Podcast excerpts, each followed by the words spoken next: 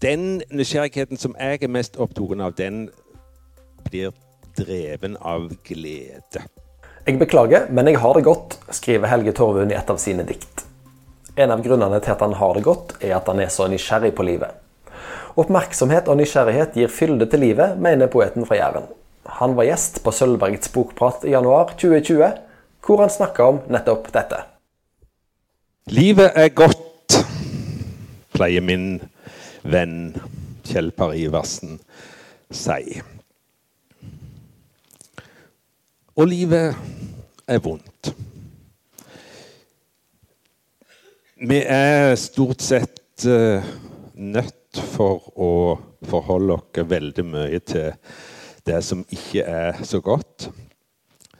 Så jeg har tenkt å konsentrere meg mest om det som er godt og bra og fint i dag. Jeg tror vi trenger det òg, men eh, det vil nok være alvor nok for de som har kommet for det. Mange av dere vil kjenne et veldig kort dikt som jeg har skrevet, som eh, går sånn Lyset du treng finst. For mange år siden var jeg på en poesikongress i eh, Midt-Sverige. Den hadde en tittel som jeg eh, likte veldig godt. En matematikk som passer meg. Den heter 2 pluss 2 er 5. På den poesikonferansen møtte jeg en mann som heter Gjøsta Ågren. Og han han har skrevet et veldig fint, kort dikt som på en måte er en slags uh, balanse til mitt kortdikt. Han har nemlig skrevet, og det står i denne boka Oroa deg inte. Det ordner seg aldri. Vi ble veldig gode venner på denne konferansen, jeg og Jøsta Ågren. Og vi har Det er veldig lenge siden. Vi hadde det fint når det var opplesninger og foredrag, men aller, finst, aller finest om, om kveldene, når det var litt mer private arrangement. Og der vi da òg eh, faktisk fant opp en helt ny eh, musikksjanger, jeg og han. Konjakkjoiken. Nå driver jeg og redigerer en del eh, antologier med dikt. Og jeg har i den forbindelse hatt kontakt med Jøsta Ågren, som er en eldre mann enn meg. Han er blitt ganske gammel. Eh, jeg eh, sendte en mail og spurte om jeg kunne få lov å bruke noen av hans dikt. Og så tok det litt tid før han svarte. Jeg lurte jo på om han brukte mail i det hele tatt. Men eh, etter en stund så kom det et svar. Ja, bruk diktet. Eh, beklagte veldig at han ikke hadde svart med en gang. Problemet var bare at det hadde vært litt sånn småting som gjorde det. Han hadde fått vite at han hadde leverkreft og hadde blitt flytta på en heim og sånn. sånn. Ja, det var liksom en god grunn til at han ikke svarte med en gang. Og så skrev han helt i slutten av mailen, noe som viste at han fremdeles er den samme gamle. Ja, jeg er døende, men det har jeg vært hele tiden. Nå skal det handle om nysgjerrighet. Og Kanskje vi kan begynne med å være litt nysgjerrige på hva nysgjerrighet er for noe. Jeg tenker at det kan være mange forskjellige ting. Det er vel en type nysgjerrighet vi kanskje ikke er så begeistra for. Den naboen som står og følger nøye med på alt det du gjør. Kikker bak gardinen og strekker hals når du går i postkassen.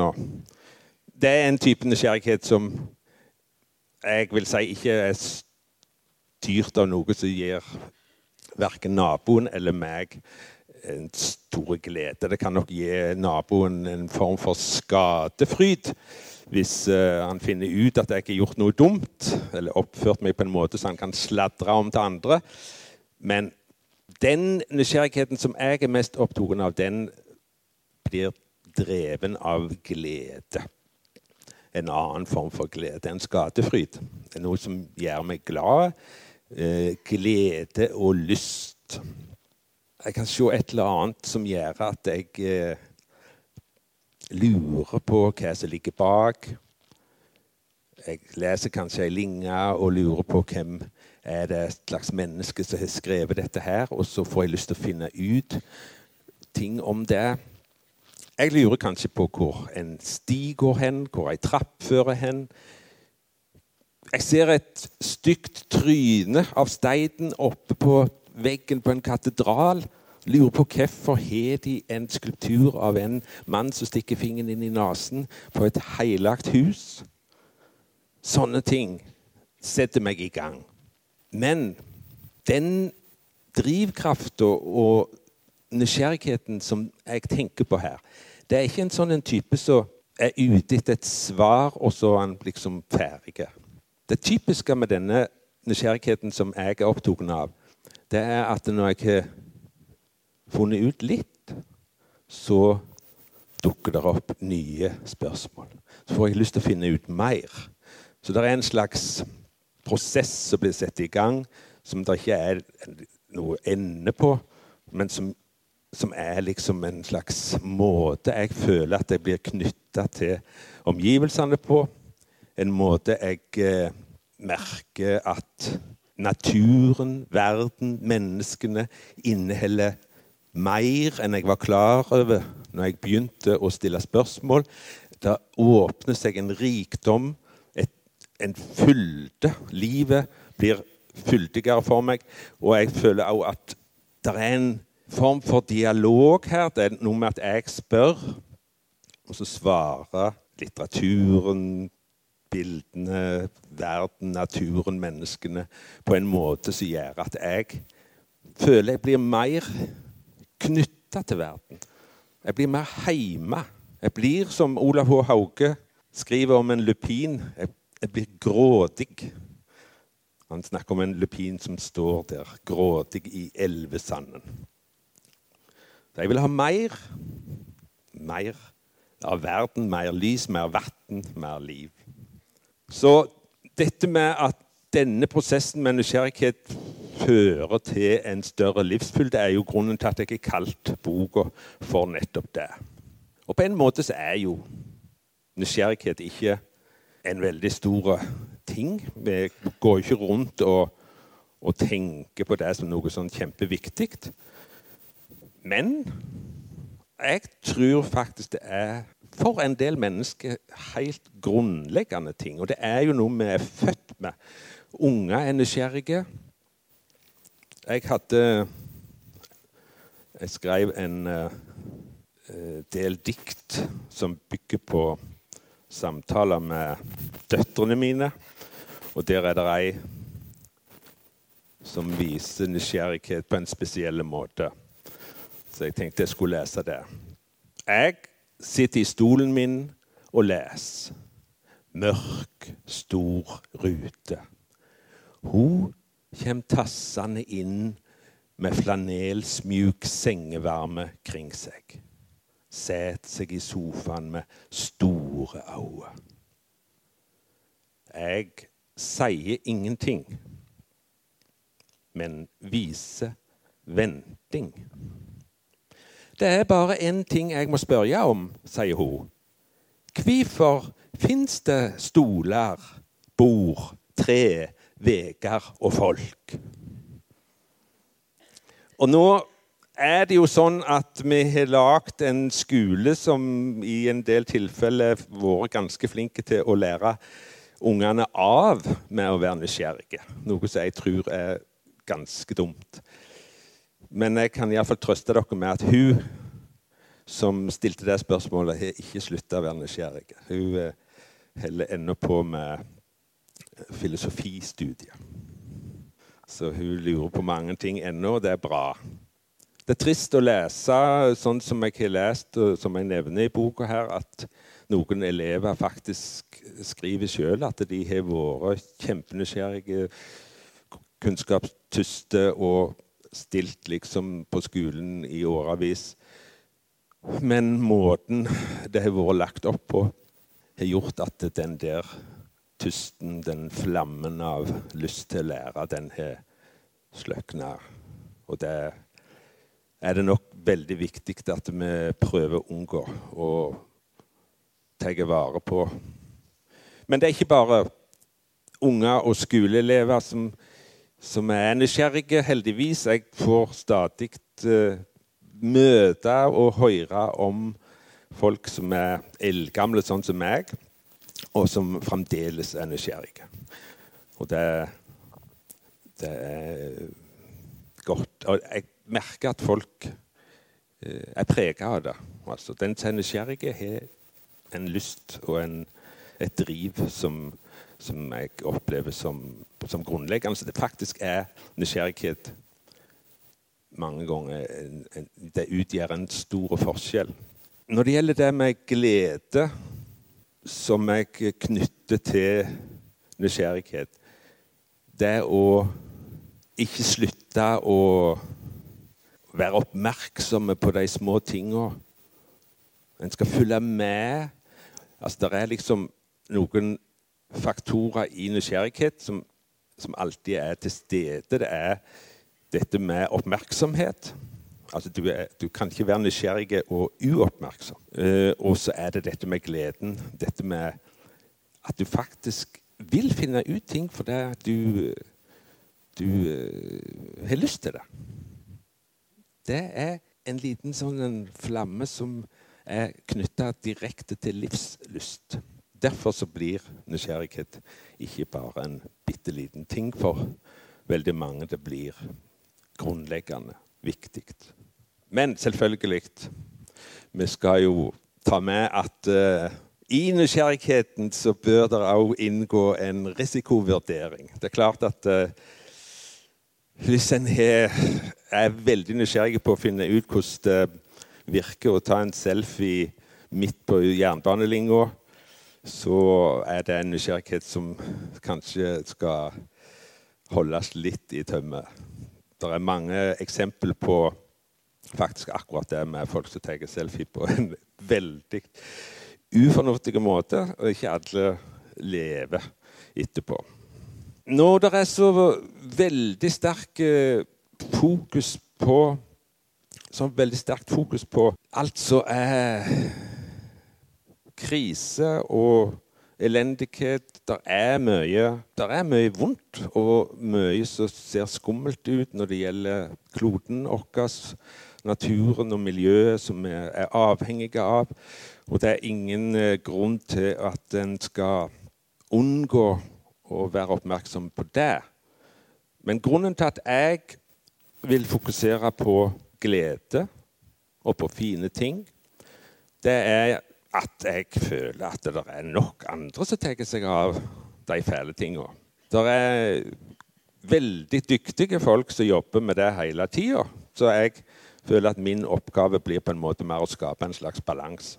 Og så tenkte jeg at uh, det kunne passe å ta dere med på noe fint. Jeg har en gang skrevet et dikt som heter 'Jeg beklager, men jeg har det godt'. Og når jeg begynte å være på sosiale medier, på Twitter, der jeg har vært lengst, så var det under store tvil. Jeg forsto ikke helt opplegget, jeg forsto ikke helt vitsen, men det var noen som sa at kan du ikke legge ut eh, kortdikt? Og så begynte jeg å gjendikte japanske haiku-dikt fra engelsk til nynorsk. Og det likte folk. Akkurat de der små dikta passet godt til det formatet. Og jeg har etter hvert uh, brukt veldig mye en uh, poet som heter Issa. Kobayashi Issa er hans navn. Levde fra 1763 til 1828, og han hadde et veldig tungt liv. En hard skjebne med familiekrangler om arv. Fem unger fikk han, og alle fem døde unge. Kona døde ifra han. Og likevel så skrev han små, nydelige dikt med et spesielt blikk for de aller minste skapningene i naturen, og viste et samvær og et samhold med disse. Gi ikke opp, vesle frosk. Issa er her, er et av de. Et annet. Snøen smelter, og landsbyen fløymer over av barn. Så kan en spørre seg om sånne naturlyriske kortdikt virkelig kan ha noe å si for oss i dag. Nå er det jo, som nevnt, alt dette som absolutt ikke er idyll. Er dette da en flukt fra realitetene å være opptatt av sånne ting? Jeg mener at konfliktstoff, skam, ødeleggende krefter, vold og drap og lemlesting, plast i dyre- og fuglemager, bier som blir vekke, branner i Guds skoger Alt dette strømmer jo mot dere fra skjerm etter skjerm.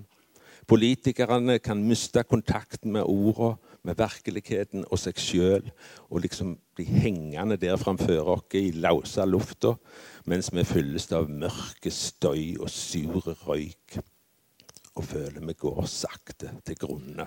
Og som et sekund av stillhet, som en liten neve ro i motvekt til alt dette, tenkte jeg nå at jeg ville ta dere med på en morgentur på Ogna. En liten plass på en stor klode. En klode der det meste tilsynelatende er gale og grufullt. Også denne vesle landsbyen der det tilsynelatende er ro og harmoni. Jeg sykla forbi den plassen der det har blitt hosta inn mye løk den siste måneden. Nå er dette jordstykket nypløyd og ligger mørkt og stille med sine fint forma plogfòrkurver og ei og anna måke og linnerle. En kjenner kjensle av at orden og ro finst når en ser på denne fruktbare molla ved elva. I utkanten av skogen står rognebærtrea lysende sinobarrøde av bærklaser. Intenst og vakkert, som om vi hadde fortjent å ha det godt. Når jeg kommer inn i skogen, ligger morgensola på trestammer og på stien og lager små, gylne områder der morgenen er lys og stille. Jeg stanser som vanlig framfor et mektig tre like ved stien og snakker litt med det. Jeg kan merke på borken at det setter pris på denne morgensamtalen. Straks jeg kommer ut i sanddynene, hører jeg en spøye som fløyter igjen og igjen. Jeg ser han ikke. Rundt meg fyker elgulvenge og tistelsommerfugler opp fra lyng og blåklokke og gulmaur. En og annen augestikker piler att og fram og står stille tre sekunder medan jeg trekker inn angen av havet og seinsommerfylden. Strå står sandgylne og veier lett i sollys og morgenbris. Skuggen av det vesle rognebærtreet oppe på knausetoppen er klar og tydelig på granitten. I Ognaelva vaker laks etter laks etter laks. Spenstige bågesprell som lager fine ringer i det glitrende, solreflekterende elvevatnet. Ei umågelig og veldig ro, hvile over hele landskapet og gir hjerte og sinn en etterlengta fred. Jeg tenker at ja, i stedet for å kalle dette å leve i sin egen boble, så er dette en del av den virkelige røynda vi òg trenger å ha kontakt med. Noe som kan gi oss styrke og mot og ei kjensle av at her er det jammen godt å være. Glede har folk, selv om de ser ut som uh, G. JB Priestley bak meg her. Han uh, var kjent for å være en skikkelig grinebiter. Og han hadde liksom et utseende som kunne understreke det, med lepper som hang og i det hele tatt. I tillegg så var det sosialt korrekt å være grinete og negative i Yorkshire, der han vokste opp. Ros det var noe som søringene holdt på med. Det var pinlig. Å finne feil med ting det var derimot noe en kunne gjøre i Yorkshire. Da var en direkte og hjertelig. Og han fikk ekstra god opplæring i bitter mumling og sur klaging, skriver han, når han arbeidet i ullbransjen. Og Seinere så syda han og klagde seg gjennom Oxford og Fleet Street og rundt omkring i verden. Men så har han altså skrevet ei lita bok som heter 'Delights'. Den handler rett og slett om gleden i livet. Og han skriver om de enkleste ting. Om en, å se på en fontene, handle i små butikker i små byer. Og prøve nye typer pipetobakk. Det var jo ei litt annen tid. Men her skal jeg ta fram en glede som han beskriver veldig fint. Og det er det å komme opp på dekk på en båt før frokost i fint vær. Han skriver Du kommer ut av svevnen, ut av den tette, stillestående lufta der nede i skipet, og rett opp i all verdens frisk leik. I løpet av natta har alt blitt nyskapt for deg. Det åpne båtdekket, sjøen sjøl, til og med morgenen har nett kommet tilbake fra vaskeriet. De skrubba plankene glinser, og det polerte metallet glitrer i en ny morgen i sjølve skapinga. Den blinkende og susende sjøen har nettopp blitt funnet opp Lufta er et mysterium av godhet, og fra det, den duvende blåmyra kjem angen av usynlige sjøblommer. Havet og lufta kvisker nyheter om sin egen fullkommenhet. Dette er sjølve tida sin morgen. Dette er noen bilder som bare illustrerer hva som pirrer min nysgjerrighet når jeg er i Yorkshire, sånne smau som dette her, som det er så veldig mange av, lurer jeg alltid på hvor de går hen. Så kjøpte jeg ei bok som heter 'Touching Feeling'. Og utenpå den så var det bildet der. Jeg ble nysgjerrig. Hvem er dette? Og det viste seg å være ei som heter Judy Scott, som uh, var tvilling. Hun uh, hadde ei søster som heter Joyce, og de to vokste opp i lag. Jeg leter litt etter det stykket der, men uh, jeg kan fortelle uten å bruke boka. Det viste seg jo da etter ei tid at det var en forskjell i måten de lærte ting og oppførte seg på. Men de hadde en utrolig nærhet, utrolig tett eh, samliv når de var unge, disse to. Judy på bildet og Joyce. Etter hvert så viste det seg at Judy hadde Downs syndrom. Men det som ingen klarte å finne ut, var at hun i en uh, omgang med skarlagenfeber hadde blitt helt døv. Så når hun skulle testes for skolegang, så ble hun jo spurt om en del spørsmål. Og siden hun ikke hørte hva de spurte om, så var resultatet ganske dårlig. Alle trodde at uh, det var da uh, tegn på hennes intelligens, og det ble bestemt at hun måtte flyttes på institusjon. En morgen våkna søstera, og Judy var vekke. De reiste av og til og besøkte henne på de forskjellige institusjonene hun var på, men siden hun fremdeles var døv uten at noen av de som behandlende, eller tok seg av henne, visste om det, så, så fikk hun ingen tilbud om opplæring. Hun virka som hun ikke forsto noe som helst. Men søstera utdanna seg til å jobbe med mennesker, og det gikk veldig mange år. Og så dro Joyce på en såkalt retreat, der hun mediterte. Og plutselig så innså hun at hun var helt nødt til å få kontakt med søstera igjen. Hun reiste og fikk henne med seg tilbake til der hun bodde. Fikk en plass hun kunne bo, og fikk henne inn på en institusjon, Creative Growth, der hun skulle da være sammen med andre som lagde ting og gjorde ting.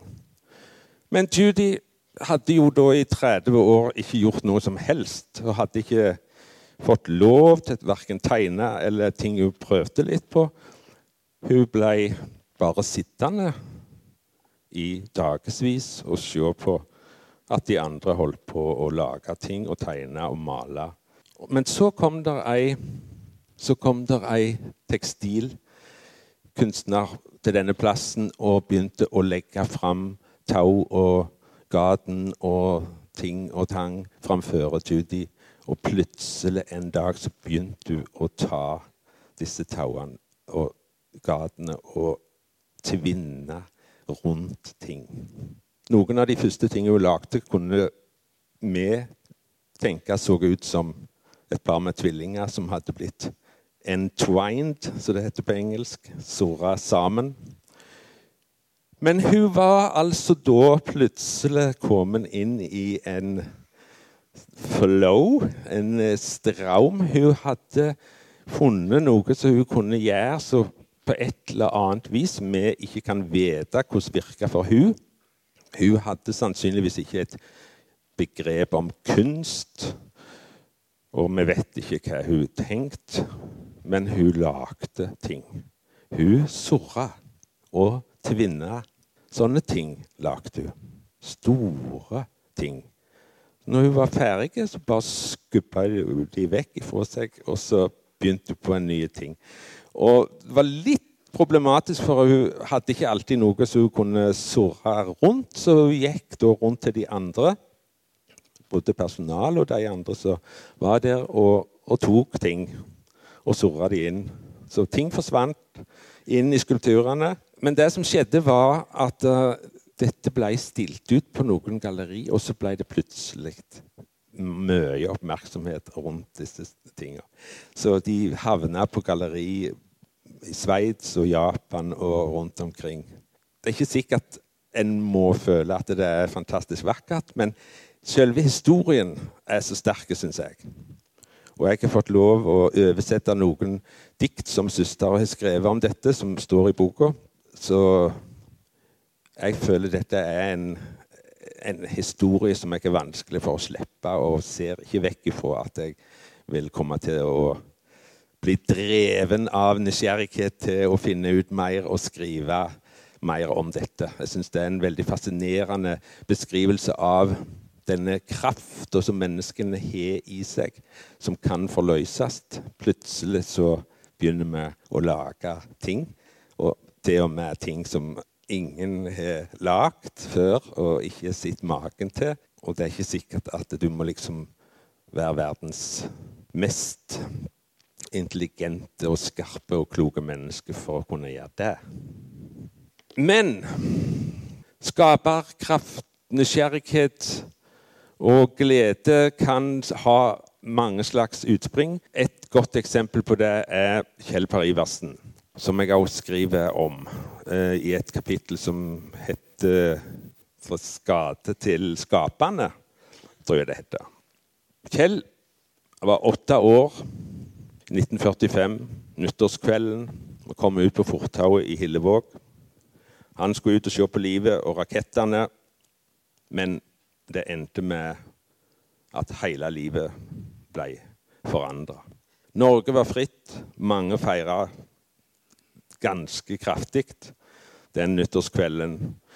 Og det som skjedde, var at en nyttårsrakett, som var nok tente på av en ikke helt edru Hillevågsbu, den gikk rett i fortauet og for opp i ansiktet, ansiktet til Kjell og eksploderte ene øyet og halve ansiktet ble blåst vekk.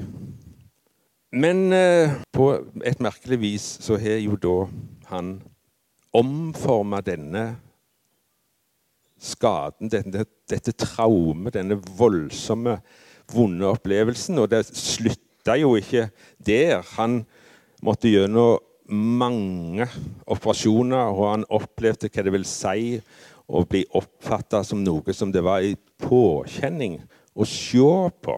Han opplevde at voksne mennesker snudde seg vekk i avsky. Og han ble ekstremt opptatt av å alltid gå på fortauet med den skadde delen av ansiktet inn mot husveggene, og følte egentlig at det bare var når han var hjemme, at han kunne slappe av. Og så har han skapt disse enorme, gledefylte maleriene sine. Et typisk Kjell Per Iversen-maleri. For jeg vet ikke om en må være psykolog for å tenke at det ligner litt på en eksplosjon. Mange av bildene hans ligner veldig på eksplosjoner. Han har ett øye. Han burde på en måte ikke valgt å bli maler kunstner med redusert syn. Men han har Og han er ikke alene. En av de kjente franske Toulouse-Lautrec han hadde en uh, alvorlig skjelettsykdom som gjorde at han mest ikke kunne gå i perioder.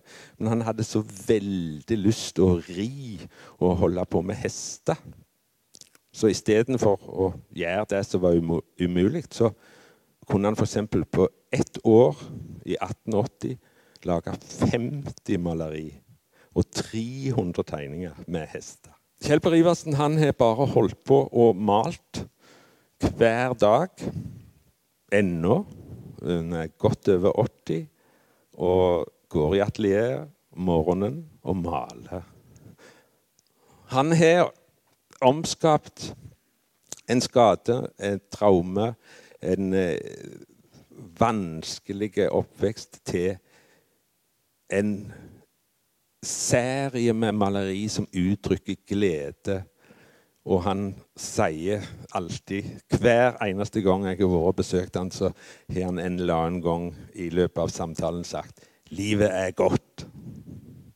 Nå er det som sagt sånn at alt er ikke glede, og av og til så møter vi noen som har opplevd ting som ikke var så bra.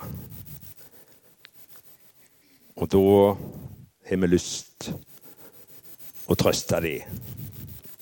Jeg har et kapittel som heter 'Ikke la optimistene ta knekken på deg', som handler om hvorfor er det så vanskelig egentlig å, å trøste. Det er et problem å finne ut hvordan en skal være, og hva en skal gjøre når folk har det vondt. Jeg fikk en gang vite at jeg hadde kreft. Og møtte en god venn rett etterpå. En kraftig og høy kar. I vinterlyset ute på plassen utenfor butikken på Ogna. Han så på meg, og så at noe var gale. Jeg var tynnere og bleikere om nebben etter at jeg hadde fått den tunge meldinga av fastlegen. Jeg mumla fram de vonde ordene svulst og kreft, og han så på meg. Og så sa han bare Å, Helge, kan jeg holde om deg? Jeg nikka, og så gjorde han det. Og det gjorde noe med meg. Og det gjorde noe med situasjonen. Det var ei spenning som slepte litt, og jeg kjente meg mjukere. It can be a hard world to be soft in, skriver Isaac Val Walker i sin bok 'The Art of Comforting'. Kunsten å trøste. Hun har drevet mye med sorgarbeid og skriver nettopp om dette her. Hvor vanskelig det er. Der oppstår en problematisk situasjon når noen plutselig ikke har det godt. Og hvorfor er det så vanskelig? Jeg tror at noe av det har med hele kulturen vår å gjøre. At vi er innstilte på at ting skal fikses, ordnes, bli bra. At folk som sier de har det vondt, vi skal kunne gjøre noe og si noe, sånn at de sier ja, nå er det mye bedre, nå er det i grunnen helt godt. Men det fungerer ikke sånn. For det er jo ikke alltid ei løsning. Livet er av og til bare vondt og vanskelig. En har mista noen. En har et forhold er gått sunt. Vi kan ikke komme inn og plastre det i hop og fikse det. Det går ikke med den metoden som vi ønsker og har lyst til. Noen ganger så sier vi bare at ja, ja, jeg òg har vært gjennom det der, men det gikk fort over. Eller et eller annet visdomsord som står på en kjøleskapsmagnet. Det har ikke store virkning. Når vi skal være der for noen som trenger trøst, så er det nettopp det jeg tror så er det viktigste at vi faktisk våger å være i det vonde sammen med vedkommende.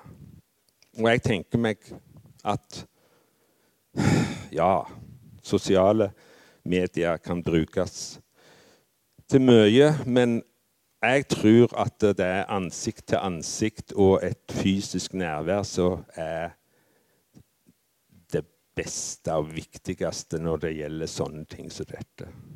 Hvis vi kan være der og la den som har det vanskelig, ha det vanskelig Få lov å gå i oppløsning og, og være i det håpløse At det fins ingenting å si.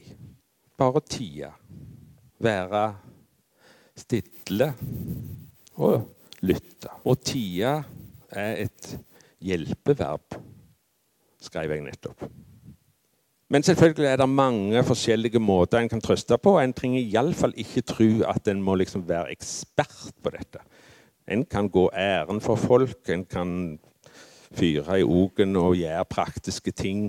Og når folk ser at du bryr deg og er der og gjør sånne ting, så har det en stor virkning for mange. Og så er det jo sånn at det å lese ting og, og lytte til musikk, det kan jo òg være til stor trøst og hjelp for folk. For meg er det faktisk vært en, en slags uh, ubegripelige ting, det å få så mange tilbakemeldinger på, de, på det korte diktet som jeg sa i innledningen. Uh, at det faktisk er sånn at folk opplever at det gjør et eller annet, og, og at, de, at, de, finner trøst i det. Kanskje er det sånn at Altså, ikke sant Hvis jeg sier 'lyset du trenger, fins', så er det minste føre å finne et menneske som kan komme og si 'nei, det gjør ikke det'. Nei. Av og til så gjør det nok ikke det. Men vi sier det likevel. Vi hører på musikk, vi leser ting, Og så kan det over tid ha en virkning, og, og vi vet ikke. Vi vet ikke. Jeg tror uh, en må være audmjuk og ikke tro at det finnes noen enkle løsninger, men, men vi vet at det er å være sammen, bare være der, høre på folk som trenger å bli lytta til, det har en virkning. Tida går så fort. Jeg må faktisk tenke på å avslutte. Ehm, da syns jeg iallfall det kan passe veldig godt å avslutte med en uh, gammel kompis som i et langt liv har Ja. Han har gjort mye forskjellig. Spilt i rockeband, drukket mye øl. Han har levd hardt, og han har lest inn mange lydbøker, faktisk. Dette Magne Rimestad har skrevet ett eneste dikt som forteller oss at vi ikke trenger ta det så veldig tungt alltid. Og Jeg tenkte jeg skulle avslutte med det. Det heter 'Putsan'. Jeg har en pike som bor oppi lia. Av og til vil hun, rett som det er, nekter hun blankt. Men da er det bare å sykle hjem igjen. Det er nedoverbakke hele veien, så det går fint.